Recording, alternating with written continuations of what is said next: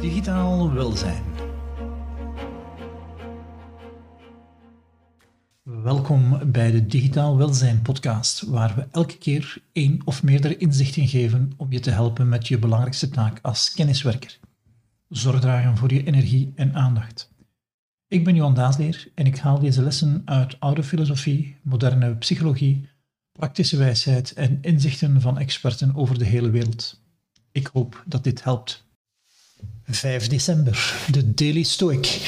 The benefits of sobering thoughts. Keep death and exile before your eyes each day, along with everything that seems terrible. By doing so, you will never have a base thought, nor will you have excessive desires. Epictetus in Chirdon 21. Houd dood en verbanning elke dag voor je ogen, samen met alles wat verschrikkelijk lijkt. Door dat te doen, zul je nooit een onedele gedachte hebben, noch zul je overmatig verlangen. Je kan geen rekening houden met de gedachte dat er ooit een eind zal aankomen. Maar wat levert je dat op? Het omgekeerde heeft ook geen toegevoegde waarde. Zodanig verlamd zijn van de gedachte dat het ooit zal stoppen dat je vergeet te leven.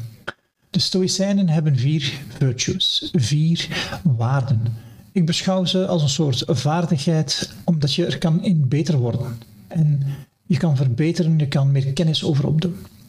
Maar ook deze vaardigheden hebben oefening nodig. Je hebt een jaar niet gefietst en je weet dat je het kan, maar de eerste meters zijn niet de makkelijkste. Blijven oefenen in deze vaardigheden zorgen voor een goed onderzocht leven. De vier vaardigheden zijn wijsheid, moed, rechtvaardigheid en temperance of matigheid. Niet te veel, niet te weinig, juist genoeg. Digitaal welzijn heeft ook veel te maken met matigheid. Hoeveel tijd spendeer je op sociale media? Hoeveel informatie consumeer je? De feed van sociale media is als de hoorn van overvloed. Het land van melk en honing. Dat land zou de doodsteek zijn van onze soort. We kunnen niet om met overvloed. En de stoïcijnen hadden dat al door. Die verdomde feed stopt niet. Zag je de film The Social Dilemma op Netflix? Over alle mogelijke gevaren van sociale media. En die feed kwam daarin te sprake. Ik denk dat het vooral die feed is die een slechte invloed heeft op onze gemoedstoestand. Wel zien we zaken waarmee we niet akkoord zijn en worden we getriggerd, of zelfs zijn we zaken, uh, zien we zaken waardoor we ons zorgen maken. Je kan je afsluiten van de wereld, maar ook daar is temperance geen goede, een goede vaardigheid. Riverside, een Poolse progressieve metalband, hey, het is maandag, het is Metal Monday, released twee weken geleden een nieuwe single, Self-Aware. I told myself I don't need it. Scrolling, watching, reading. I told myself I don't need it to know what kind of world we live in. I shut myself off from the whole broken world. I told myself I don't need it.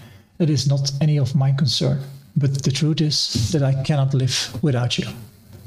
Een goede balans tussen consumeren van informatie en het produceren van informatie. Het is waarde toevoegen aan de wereld in plaats van alleen maar waarde te ontvangen.